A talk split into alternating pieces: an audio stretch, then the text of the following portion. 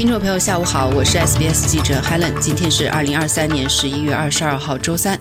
本期 SBS 新闻快报的主要内容包括：报告界美澳日三国民众对中国存在相似的厌倦情绪；以色列与哈马斯达成暂时停火协议；墨尔本大屠杀纪念馆开幕，警惕反犹太主义。悉尼大学美国研究中心一项新的研究表明，澳大利亚公众普遍支持澳大利亚和美国与中国展开战略竞争的努力，并对 AUKUS 和军事自信持积极态度。这是该中心第二年就美国外交政策及其对澳大利亚的影响进行民意调查。今年的研究对象还包括了日本民众。报告作者之一贾里德·蒙德森说：“报告的第一个发现是，美澳日三国对中国都有着相似的、日益加剧的厌倦情绪。”他说。美国、澳大利亚和日本对中国的看法非常相似，负面情绪通常在百分之十到百分之二十之间。他们也普遍同意携手合作。我们的民意调查要做的是更上一层楼。你打算在游戏中投入多少？这种合作的极限是什么？报告还发现，澳大利亚人普遍支持在中国面前采取强硬政策，有时甚至高于其他两个国家。此外，报告还发现，澳大利亚人支持美国在本国驻军的可能性是日本的两倍。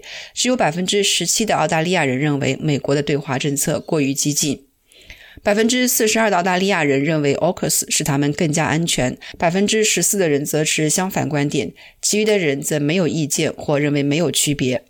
百分之四十六的人认为澳大利亚应该在中国入侵台湾时进行军事防卫。澳大利亚人实际上比日本人或美国人更有可能支持这一举措。以色列和哈马斯在六周的战争后同意停火四天，以换取释放被关押在加沙的五十名妇女和儿童。以色列总理内塔尼亚胡及其内阁于当地时间周二举行了长达六个小时的会议，批准了这一协议。哈马斯在一份声明中说，以色列将释放一百五十名被囚禁在以色列的巴勒斯坦人，其中也包括妇女和儿童，并允许数百辆运送人道主义援助物资和燃料的卡车进入加沙地带。以色列政府表示，每多释放十名人质，停火将延长一天。以色列同意在停火期间不攻击或逮捕加沙的任何人。一直在斡旋谈判的卡塔尔政府表示，停战的开始时间将在未来二十四小时内宣布。在今天墨尔本大屠杀博物馆的开幕式上，总理和反对党领袖都谴责了日益严重的反犹太主义。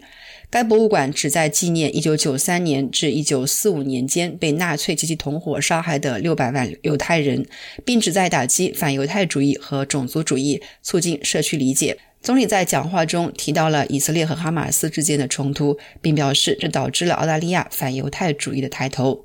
他说：“我的政府正在采取行动，明确表示澳大利亚不容许美化大屠杀恐怖的标志。那些企图从这些邪恶标志的交易中获利，或利用这些标志宣扬其仇恨的人，也没有立足之地。这是我们对多元文化社会、犹太社区和幸存者的责任。”好了，感谢收听本期的 SBS 新闻快报。在任何播客平台搜索“新闻快报”，点击订阅，开启消息提醒，即可了解澳洲国内外新闻及社区信息。